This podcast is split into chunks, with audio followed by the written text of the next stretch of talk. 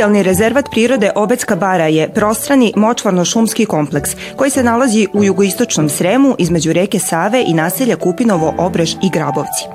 Da bismo saznali nešto više o Obeckoj bari i projektima koji se tamo upravo odvijaju, pomogli su nam učenici osnovne škole Dušan Vukasović Diogen iz Kupinova, odeljenje u Ašanji i stručnjaci iz javnog preduzeća Vojvodina šume.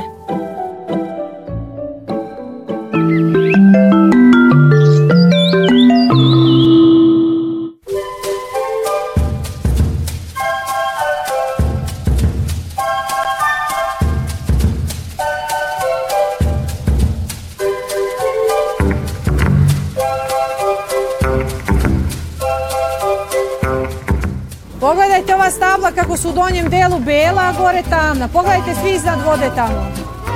E toliko voda može da poraste na Obeckoj bari. I zato smo mi ove kolibe podigli na ove nasipe kako nam ne bi poplavile.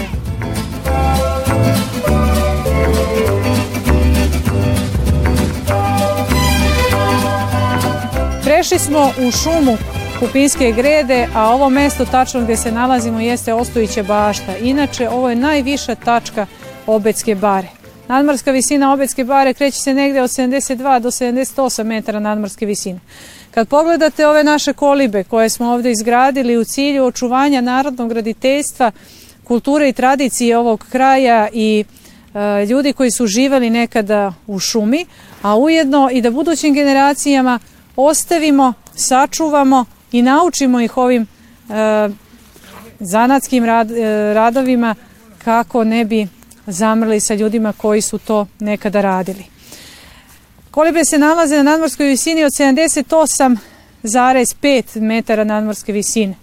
Podigli smo se toliko da izbegnemo i najviše talase, poplavne talase iz 2014. godine, ali to nije garancija da neće biti i većih. Međutim, mi smo pokušali da barem koliko je u našoj moći izbegnemo ove redovne poplave. Čemu su namenjene ove kolibe? Pa namenjene su deci kao što ste vi, namenjene su svim posetiocima Obecke bare, da dođu, da se ovde rade radionice, da se ovde uči o zaštiti prirode, da se ovde uči o Obeckoj bari, a ujedno i da se osjećate prijatno i lepo u šumi u jednom potpuno prirodnom ambijentu i potpuno su izgrađene od materijala koje potiču iz šuma i sa Obecke bare, korišćeno je drvo, korišćeno, korišćeno je blato, posebna vrsta blata se koristi za izradu e, zemljanog maltera.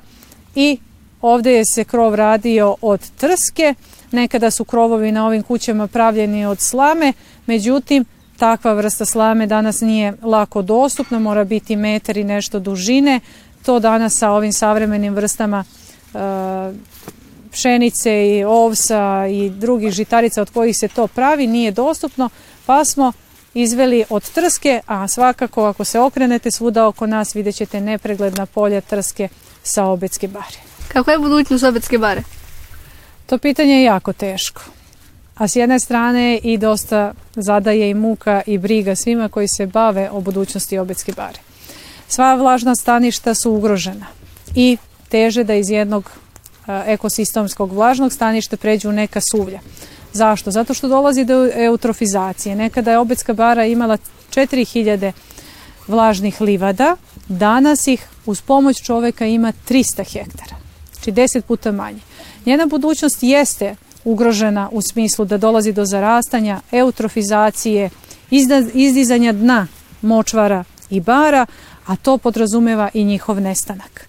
Uz sve naše projektne aktivnosti i u sve naše buduće radove ćemo se truditi da što duže je zadržimo, a to sve uglavnom zavisi i od klime i od promene klimatskih faktora. Koje su upravljačke mere ovde na Obetskoj bari?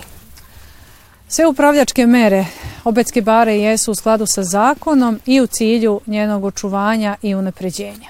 Kada govorimo o zadacima kojima se bave upravljači vlažnih staništa jesu naučna istraživanja koja se sprovode i koja nam govore koje su to mere koje moramo primeniti kako bi nju očuvali. Uglavnom ovde su zastupljeni projekti sanacije, revitalizacije, dakle čišćenje vlažnih staništa i vlažnih livada, izmunjivanje bara i močvara. To su jedne od dve najintenzivnijih projekata i radova koje mi ovde sprovodimo. Takođe poslovi šumarstva koji se ovde sprovode su održivi i u cilju zaštite prirode i sprovode se na području sva tri stepena Obetske bare.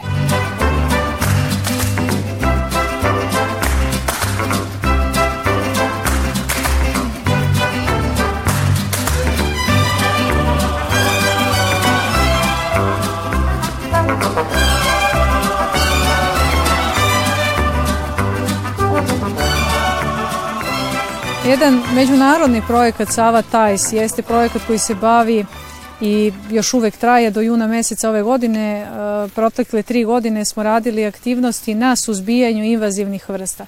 Pomenuli smo te vrste koje nisu domaće na ovom području, a mi se zbog očuvanja i zbog klimatskih promjena moramo truditi da na staništima koje su prirodna e, nastanjujemo i njihove prirodne vrste koje tu rastu.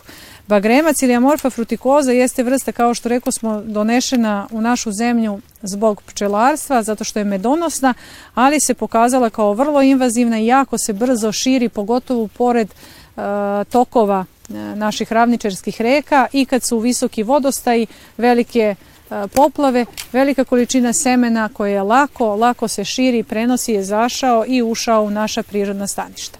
Ovde je Pred nama i pred vama se nalazi jedan grudobran, izrađen je od e, drveta, to su bagremovi stubovi i od bagremca.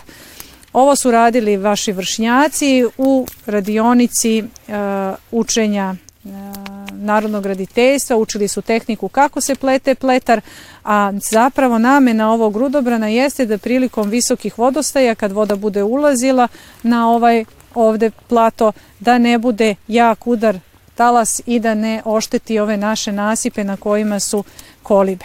Tako da, evo jedne od primjena invazivnih vrsta. Na ovaj način mi smo vrstu izneli iz šuma, iz prirodnih staništa, a upotrebili smo je na način koji će koristiti uh, u odbrani ovih koliba i ujedno, kažem, uh, i na taj način sprečili da se ona širi u prirodi.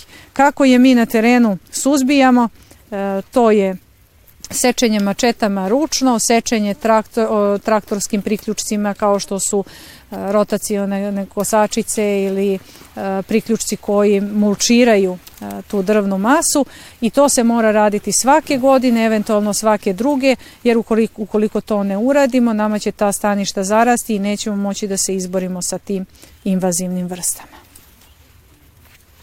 I ono što bi napomenula, osim tog našeg mehaničkog i fizičkog rada, pašarenje je održivo i mnogo bolje rešenje. Krave i stoka mnogo voli da jede lišće bagremca jer tu se nalaze neka etarska ulja koja su slatka i oni jedući to lišće dovode do sušenja i nestanka ove vrste. I tako na taj način radimo jedno održivo upravljanje zaštićenim područjima. E, toliko o invazivnim vrstama i o bagremcu, a sad idemo malo da uživamo u jednoj zatvorenoj kolibi, da vidimo kakav je to ambijent u kojima su nekada ljudi živeli na Obetskoj bari.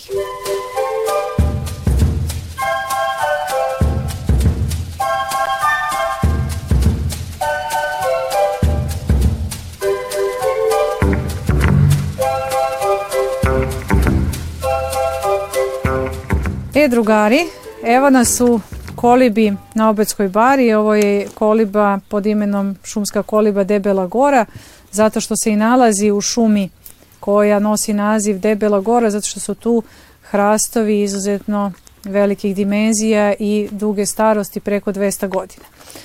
Koliba je napravljena u svrhu očuvanja narodnog graditeljstva, u svrhu predstavljanja narodnih E, građevinskih e, aktivnosti koje su nekada ovde na ovom području bile.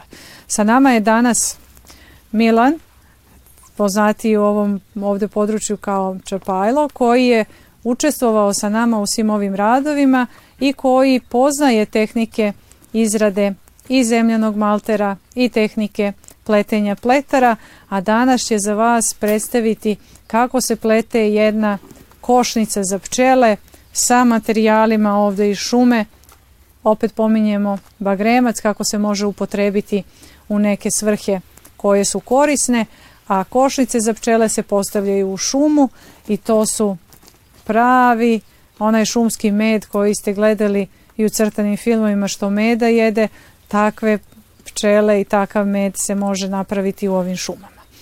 Što se tiče kolibe, ona još uvek nije završena, ona je u završnoj fazi. Na ove sad ovako izrađene zidove će se raditi još jedan završni sloj maltera, kreći će se i mora se završiti pod, kao još nešto od mobilijara ili pokućstva koje je nekada bilo u tim kolibama. Mora se imati nešto u čemu se drži voda, ovde će se napraviti i bunar, zatim mora se napraviti neka hrana, hleb, nešto od toga pripremiti, tako da ovo su neki od završnih radova, ali da znate da nije to sve još uvek završeno. Pa ja ću zamoliti Milana da vam pokaže kakva je to tehnika izrade košnica od pruća i kako se ona završava. Vi ćete vidjeti danas kako se ona plete, ali se ona isto oblaže blatom kao što su i ovi zidovi kako bi pčele imale sve uslove da se tu stvori jedno leglo sa maticom i kako bi mogli da skupljaju med.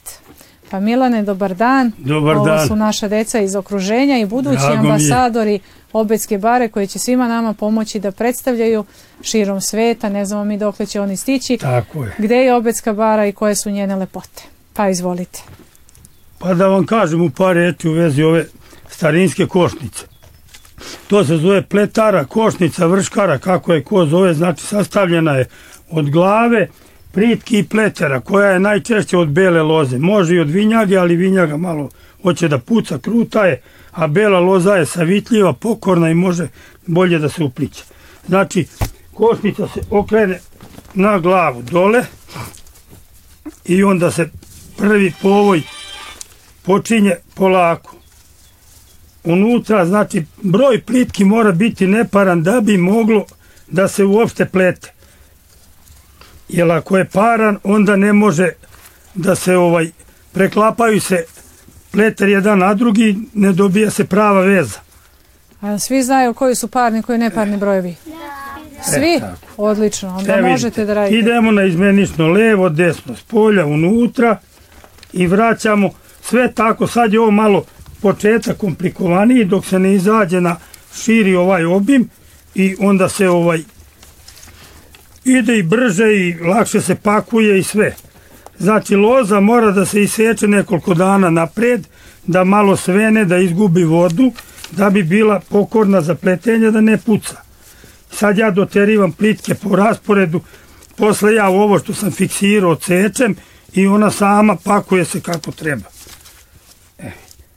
E, sad smo prošli jedan krug i to je prosto, ide stalno tako. U krug, sad kad sam došao do ovde, kad sam završio prvi povoj, drugi idem i preklapam pleter, vezivam pruće, znači za tu lozu. Biće taki 4-5 komada koje se moraju pokriti rogozom da ne kisnu i napravi se deo saća od prirodnog ovaj polena i čele same dođu i nađu to i onda se nastane i naprave dužno saće u njoj. Normalno ona se oblepi blatom i one ima mali otvor gdje one ulaze leto. Posle čele sa, same rade svoj posao, prave saće, vuku polen, prerađuju med i tako se dobija čist prirodni livatski med od šumskog bilja, cveća i svega.